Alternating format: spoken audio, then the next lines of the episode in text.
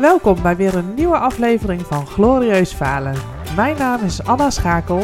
En ik ben Eveline Mos en vandaag praten wij over relatiemanagement als nieuwe vaardigheid voor projectmanagers. Ja, want wij hebben het deze maand over uh, teams. Teams? Teamdynamieken. Teamdynamieken, teambuildings, alles met teams. Um, het belangrijkste clubje aan mensen die je bij je hebt in je projecten, zou ik willen zeggen. In ieder geval de mensen waar je heel zuinig op moet zijn. Ja, ja moet je er echt heel zuinig op zijn? Dat is wel iets om. Uh, nee, misschien moeten we daar ook nog over nadenken. Maar het is wel het clubje wat jou gaat helpen. Want zonder team heb je ook geen uh, voortgang in je project. Nou, dat klopt, want dan moet je alles zelf doen. Dat, uh, daar heb ik ook nog wel een keer een faalverhaal over. Overigens. Maar. Um, um, die komen maar, nog. Die Van ons allebei één dan waarschijnlijk. ja. Later deze maand op de website. Ja, ja dus um, en we gaan het hebben over relatiemanagement. Wat, hoe definieer jij relatiemanagement? Nou, ik vind die best wel lastig eigenlijk, omdat je bij relatiemanagement vaak denkt over jouw relatie met een andere partij. Tenminste, dat is het eerste wat in mij opkomt. Terwijl er intern in een uh, team natuurlijk ook allerlei relaties ontstaan, omdat mensen samenwerken in een werkgroep. Uh, die onder de projectgroep valt, zeg maar. Of nou ja, allerlei relaties die je hebt met je opdrachtgever. Um, en dat zijn ook relaties om te managen. En vaak gaat dat goed intuïtief of vanzelf, of omdat iedereen in zijn rol blijft. Maar um, het kan ook wel eens misgaan. Of je zou, uh, als het goed gaat, misschien kan het nog beter. Dus zou je daar dan op kunnen sturen? Ja, want um, uh, valt een, een, relatie te managen?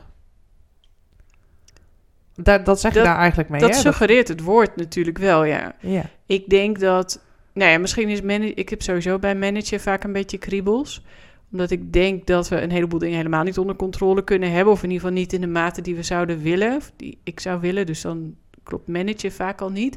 Maar bij relaties denk ik wel, je kan er in ieder geval alert zijn hoe de relatie is. En um, wat er scheelt. En ik denk dat alertheid al een heel goed startpunt is om een relatie te verbeteren.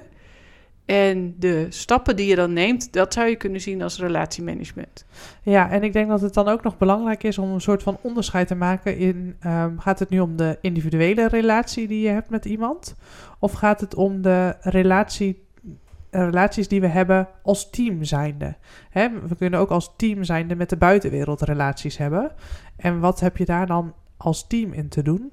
Um, dat is natuurlijk ook wel een hele interessante om dat heel bewust te doen... Um, want dat is nog niet zo makkelijk, hè? Dat je als team zijnde, je bent natuurlijk bezig met een opdracht, uh, maar ondertussen heeft het effect op de organisatie, hè? Want een project brengt uh, veranderingen teweeg. Um, en uh, dus je hebt altijd effect naar buiten toe. Um, en wat heb je dan te doen in de relaties die je raakt met je project? En wat mij in ieder geval opvalt, is dat alleen maar afspreken, we gaan als één front naar buiten. Dat, dat is een hele goede afspraak, sta ik ook echt achter. Maar dat is niet het enige wat je moet doen. Want dat is heel makkelijk gezegd, maar uh, nog niet zo makkelijk gedaan.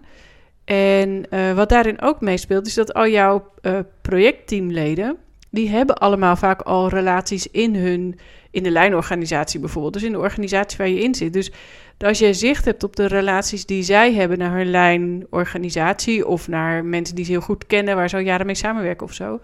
Dat helpt wel om daar ook uh, bewust van te zijn met aan wie gaan zij nu als eerste vertellen. Um, wie zijn de eerste lijntjes? Wat is de informele organisatie? Wat zijn de eerste lijntjes buiten het project?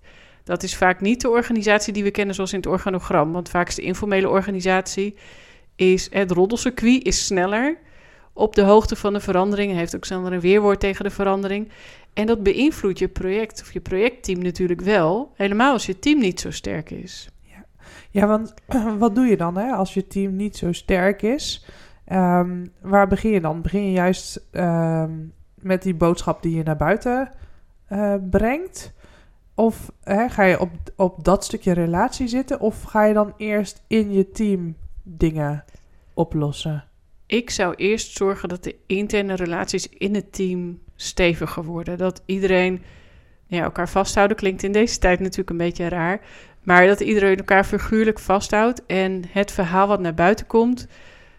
Um, een integraal verhaal is. Niet omdat het geforceerd integraal is of omdat het verboden is om te praten over uh, eigen belangen of eigen onderdelen. Maar omdat iedereen vol passie aan het project werkt en dat belang voorop zet en het doel voorop zet. En ook uh, ziet dat de inbreng van een ander net zo waardevol is als zijn eigen inbreng. Waardoor um, Pietje niet alleen maar gaat vertellen: Ik heb dit onderdeel gemaakt. Maar ook gaat vertellen: En Klaasje maakte dat onderdeel. En samen zijn we fantastisch bezig. Dat is het verhaal wat je naar buiten wil brengen. Iets over samenwerking en integraal werken. En als dat in je team gevoeld wordt, dan denk ik dat het verhaal naar buiten vanzelf heel veel beter is. Uh, en dan heb je eigenlijk je projectmarketing ook al heel snel voor elkaar. Ja, daar gaan we denk ik nog een heel ander onderwerp. Een, een, andere podcast over hebben. Uh, super interessant, projectmarketing. Um, maar um, kun, je, kun je een voorbeeld geven hoe jij dan bezig bent um, met die onderlinge relaties? Hè? Welke rol pak jij als projectmanager dan in die, in die groep? dat is wel een hele goede vraag, want daar zit een heel groot deel intuïtie bij. Dus ik moet even nagaan wat ik dan precies doe en hoe ik dat doe. Um, wat ik in ieder geval probeer is om um, het, het, doel zo duidelijk mogelijk te maken. Niet alleen het project doen, maar ook het doel van dat moment. En om iedereen zelf te laten vertellen: waarom zit jij nu dan aan tafel? Wat, wat is jouw bijdrage? Uh, wat heb je nodig van de ander? Dus dat we het heel vaak hebben over wat ga je doen en, um, en wat levert dat op voor de volgende? Of wat heb je nodig van je voorganger? Zodat die relatie onderling op inhoud in ieder geval al gelegd is.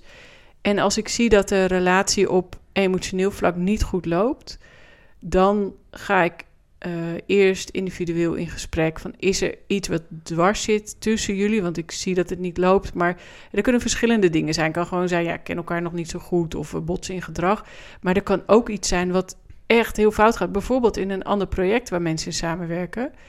Um, wat dan toch uit de wereld moet en waar ik in theorie misschien niet eens heel veel invloed op heb, maar waar ik wel mijn invloed wil uitoefenen, omdat het ten gunste komt van het team waar ik mee werk. Ja.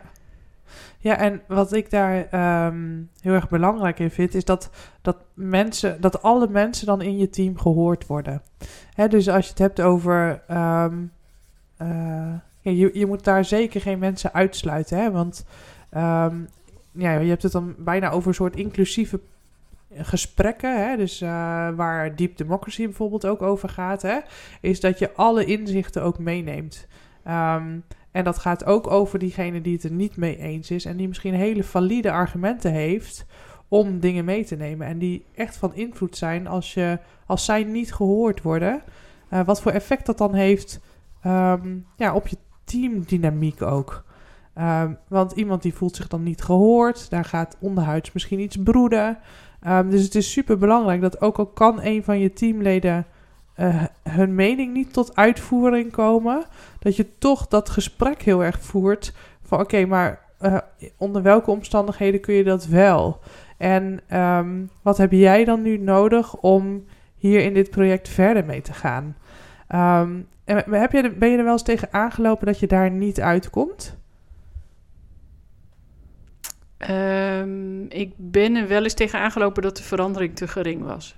Ja. Ja. Dat ik wel achterhaald wat, was er, wat er aan de hand was.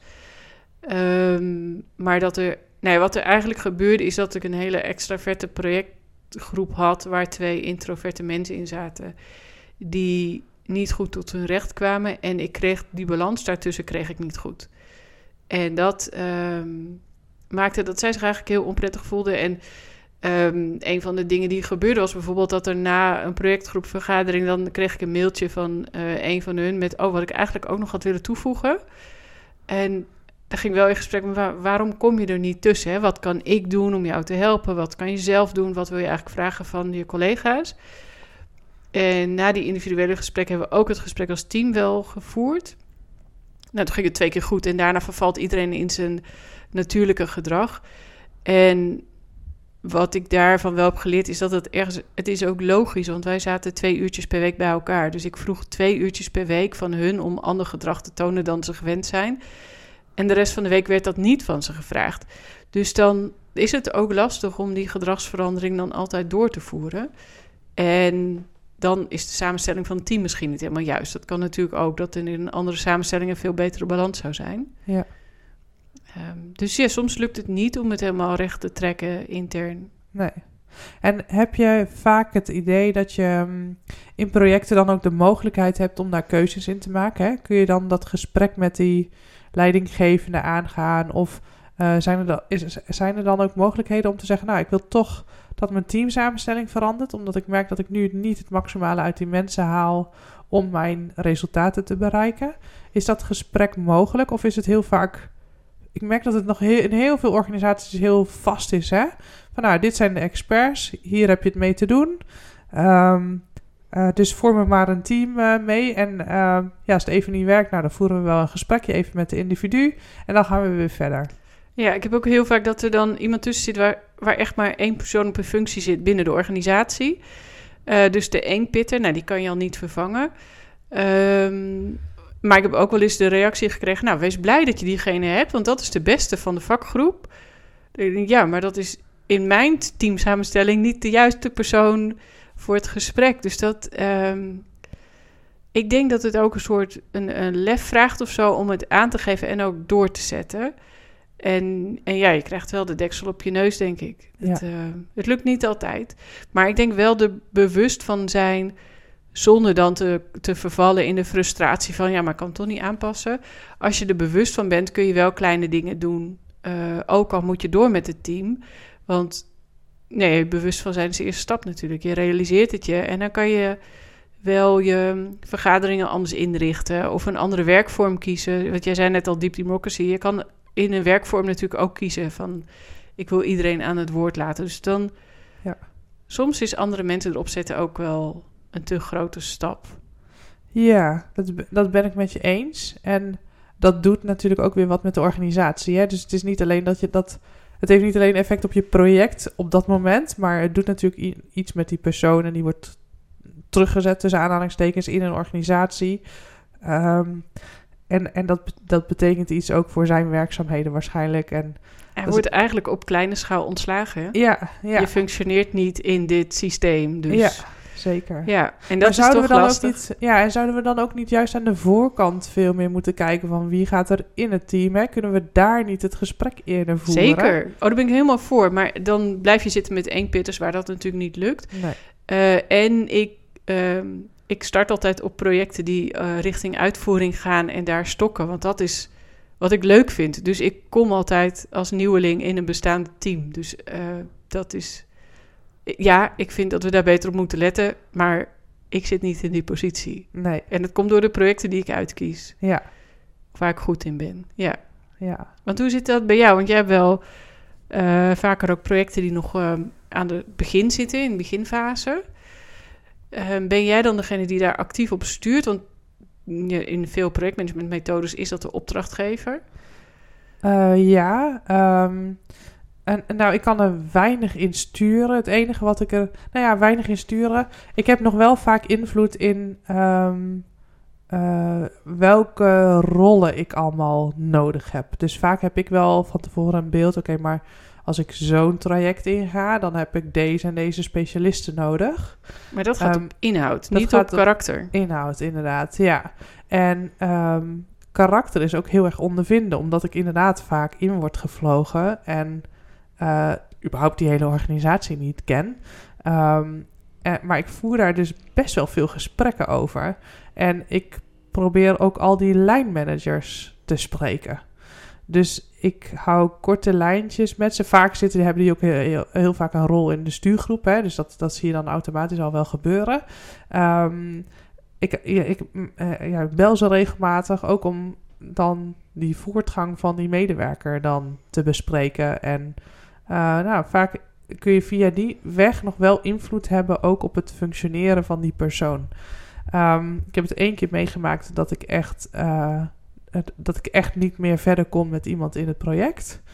Um, en toen waren er al zoveel escalaties geweest dat op een gegeven moment toen ook echt een punt achter is gezet van ja, dit, dit gaat zo niet meer. We moeten echt deze persoon uh, nu loslaten, uh, want anders gaan we dit gewoon niet redden. Um, en uh, ja, dan ben ik wel heel scherp in wat ik dan wel verwacht. Uh, ik denk ook dat sommige mensen zijn geschikt om te werken in een projectteam en andere mensen zijn extreem geschikt om te werken in een lijnorganisatie. Ehm, dat dat verschillende kwaliteiten zijn. En soms worden misschien ook de mensen uit de lijnorganisatie in het project gezet, terwijl zij helemaal niet zo die projectmentaliteit hebben waar we het net over hadden. Je moet kunnen samenwerken, de integraal zien, kunnen zien. Ik doe dit zodat jij dat kan doen. En, en dat ehm, het echte samenwerken. Ja. Als je dat niet zo kan zien of je hebt dat niet zo in je, ehm, wat natuurlijk prima is, dus verder niet een oordeel, maar dan ben je niet de juiste persoon om in een project te gaan zitten. Want ik denk dat in een project het heel belangrijk is dat er mensen zitten die echt snappen, samen komen we verder en alleen niet. Ja, ja en ehm, nou, ik, ik ben wel eh, benieuwd, hè, welke skills zet jij dan in voor je relatiemanagement? Wel, wat vind jij dat? Nieuwsgierigheid naar een ander. Ehm, niet oordelen, want het is natuurlijk niet. Er gaat niks. Ja, er gaat wel iets niet zo lekker, maar er gaat niet iets fout. Het is niet een fout van iemand. Ehm, dus dat vind ik heel belangrijk. Maar hoe kun je nou. Hoe kun je niet oordelen, maar wel iets vinden van je voortgang en hoe dan. Maar ik oordeel niet, de, de persoon doet niks. Ja, zo. Ja, Hè, ja, het gaat ja. mis in het project, maar dat maakt niet dat de persoon een vervelend persoon is of een stom persoon. Nee, of, precies. Ja. Dus het- je kan iemand heel, denk ik, heel goed in zijn waarde laten. eh, maar wel zeggen, je, jouw bijdrage hieraan klopt niet. Ja. Het plaatje klopt niet. Maar dat, dat kan ook met, door iemand wel in zijn waarde te laten. En hey, iemand is altijd wel ergens heel goed in en, ehm, en waardevol. Ja. Maar misschien ook wel op een andere positie in een project. Hè? Dat, niet in het projectteam, maar wel in een werkgroep. Of ik heb je wel nodig als ehm, iemand die input levert. Dus daar, daar kun je ook alweer Mee spelen. nou ja, spelen. Ja, dat wilde ik Ja, zeggen, nee, maar spe- spelen is niet denk ik het goede woord. Maar wel door nieuwsgierig te zijn naar wat iemands drijfveren zijn en wa- waar die zich op zijn prettigst voelt, kan je ook wel kijken, kan ik dan mijn project anders organiseren, zodat jij je bijdrage gewoon kan leveren. Ehm, Precies, ja. Spelen Ja. met respect naar de ander toe natuurlijk. Hè? Dus dat is, eh, ja, zal ook altijd in overleg gaan. Hè? Van, Tuurlijk, wat is ja. jouw behoefte? Wat haal jij zelf uit dit project? En hoe kunnen we jouw kwaliteiten dan het beste inzetten? ja, en ik ben ook altijd wel nieuwsgierig naar wat ik anders zou kunnen doen. Hè? Want het kan ook zijn dat iemand zegt, nee, maar ik heb eigenlijk behoefte dat je mij ehm, de beurt geeft of zo in een vergadering. Of ehm, ik eh, weet dat ik niet zo lekker uit mijn woorden kom. Dus als ik praat, heb ik even nodig dat jij... Want jij valt me ook in de reden of zo, weet je wel? Dat is natuurlijk ook... Ik, ik ben ook niet helemaal perfect. Nee. dus, ehm dus vind dan ook altijd interessant om te vragen... wat kan ik doen om te zorgen dat jij er beter in komt te zitten? Ja. Ehm, en daar kan je zo'n gesprek vanuit nieuwsgierigheid naar de ander... en nieuwsgierigheid naar jezelf... daar kom je vaak al heel ver mee. Dus als jij dan vraagt welke vaardigheden ik inzet... is denk ik vooral nieuwsgierigheid is er wel één. Ehm, en ik probeer altijd heel erg te letten op woorden die mensen gebruiken... zodat ik in diezelfde taal zeg maar, kan reageren... en je daar een soort rapport in krijgt... ehm, waardoor je elkaar al wat makkelijker begrijpt. Ja. Gebruik jij ook specifieke communicatiemodellen? Nee, eigenlijk. Nou, niet bewust. Nee. Ik Want die denk zijn dat, er natuurlijk ook, hè? Dat, Ja. dat, dat mensen heel erg... ehm, dat je zelfs met je team eh, bepaalde eh, communicatiestijlen kan eh, testen. Hè? Van wie, wie heeft nu welke communicatiestijl en wat leren we dan van elkaar... zodat je dat juist kan meenemen in het project. ik heb dat nog nooit gedaan met een projectteam. Het is wel iets, nu je het zegt, denk ik, ik heb dat wel gedaan met eh, de afdelingen, zeg maar. Dan heb je leuk alle stijlen van alle projectmanagers, maar die werken niet samen. Die zitten toevallig bij elkaar in een kantoortuin, maar verder niks. Ehm, dus dat vind ik dan een beetje onzinnig. Maar nu je het zegt, denk ik, misschien zou ik dat een keer met een projectteam moeten doen. Want dat is natuurlijk wel zinnig. Ja. Ja, ik heb, ik heb ehm, eh, een communicatiestijl gele- of een communicatie... ehm, eh, hoe heet het? Model? model, sorry, was model kwijt, ehm, ehm, geleerd. En ik eh, merk dat ik dat dus heel erg onbewust doe. Eh, maar het zou zoveel krachtiger zijn als je daar van elkaar gewoon weet wat je... eh, dat je het echt hebt getoetst en dat die ander zich er ook in herkent. Maar dan kun je natuurlijk wel heel erg... ehm, kijk, elk model heeft weer wat karakteristieks in zich. Hè? Dus welk model je ook kiest, je, je steekt het altijd vanuit een bepaalde kant in. Ehm, en wat jij bijvoorbeeld zegt over bijvoorbeeld extravert, introvert, dat is een van de dingen die ik, uh, die, die, waar in ieder geval een van de assen waar ik overheen ga. Um, en je ziet dan ook dat je veel beter kan duiden. Oké, iemand is bijvoorbeeld heel analytisch, die houdt ervan om dingen uit te zoeken. Um, er zitten natuurlijk ook bepaalde drijfveren en angsten bij.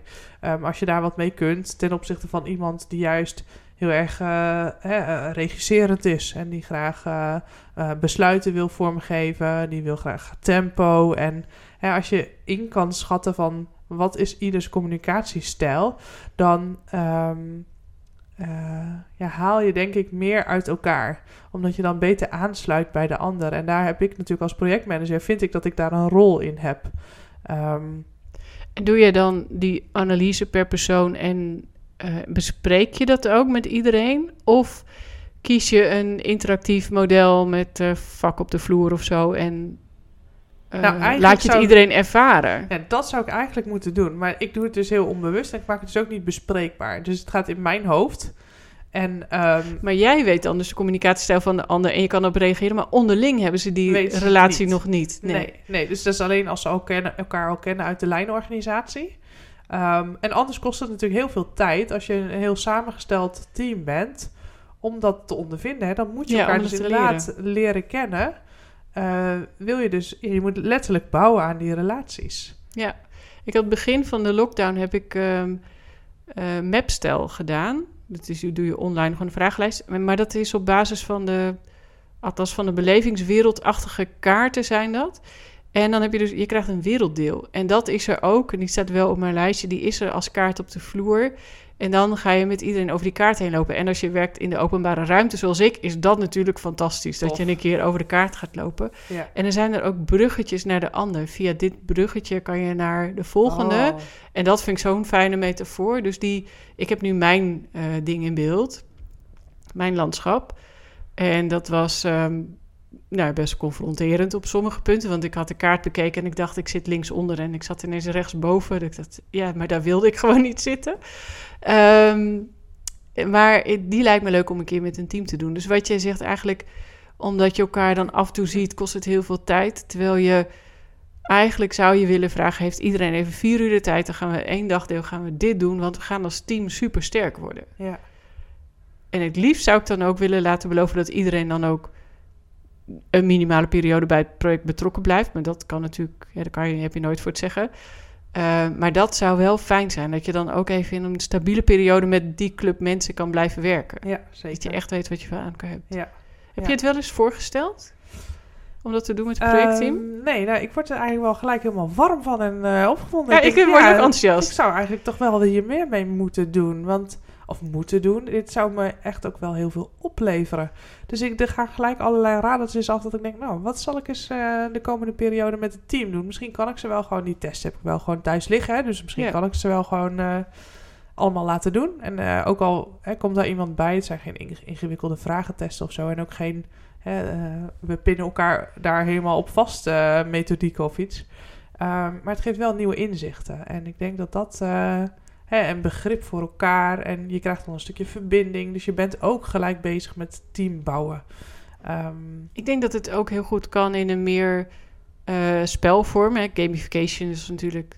Is dat nog steeds hip? Volgens mij is de zeker. hipheid er een beetje. Ja, nee, zeker. Ja. Um, maar dat je op een leuke, ludieke manier die aandacht hebt, zonder dat je hem gelijk super analytisch maakt en waarheid. Want ik denk inderdaad dat je pint iemand niet vast. En het is ook vaak een momentopname. Ja. Ehm, daarom kan zo'n uitslag van een test bij mij heel confronterend zijn, omdat hij even afweek van de eerdere test die ik had gedaan. Maar ik word er ook wel warm van. En ik ben eigenlijk heel benieuwd of opdrachtgevers bereid zijn om ruimte te geven uh, in de capaciteit, in de tijd, om dit te doen met een team. Ja. Dus als er een opdrachtgever luistert, hoor ik graag even: is dit belangrijk? Zien jullie relatiemanagement ook als iets binnen het team als iets wat super belangrijk is. Want ik denk wel, we gaan het deze maand hebben over teamdynamiek en teamvolwassenheid. Ik denk wel dat hij hiermee start. Dat je elkaar gewoon echt goed kent en de relatie met elkaar aan durft te gaan.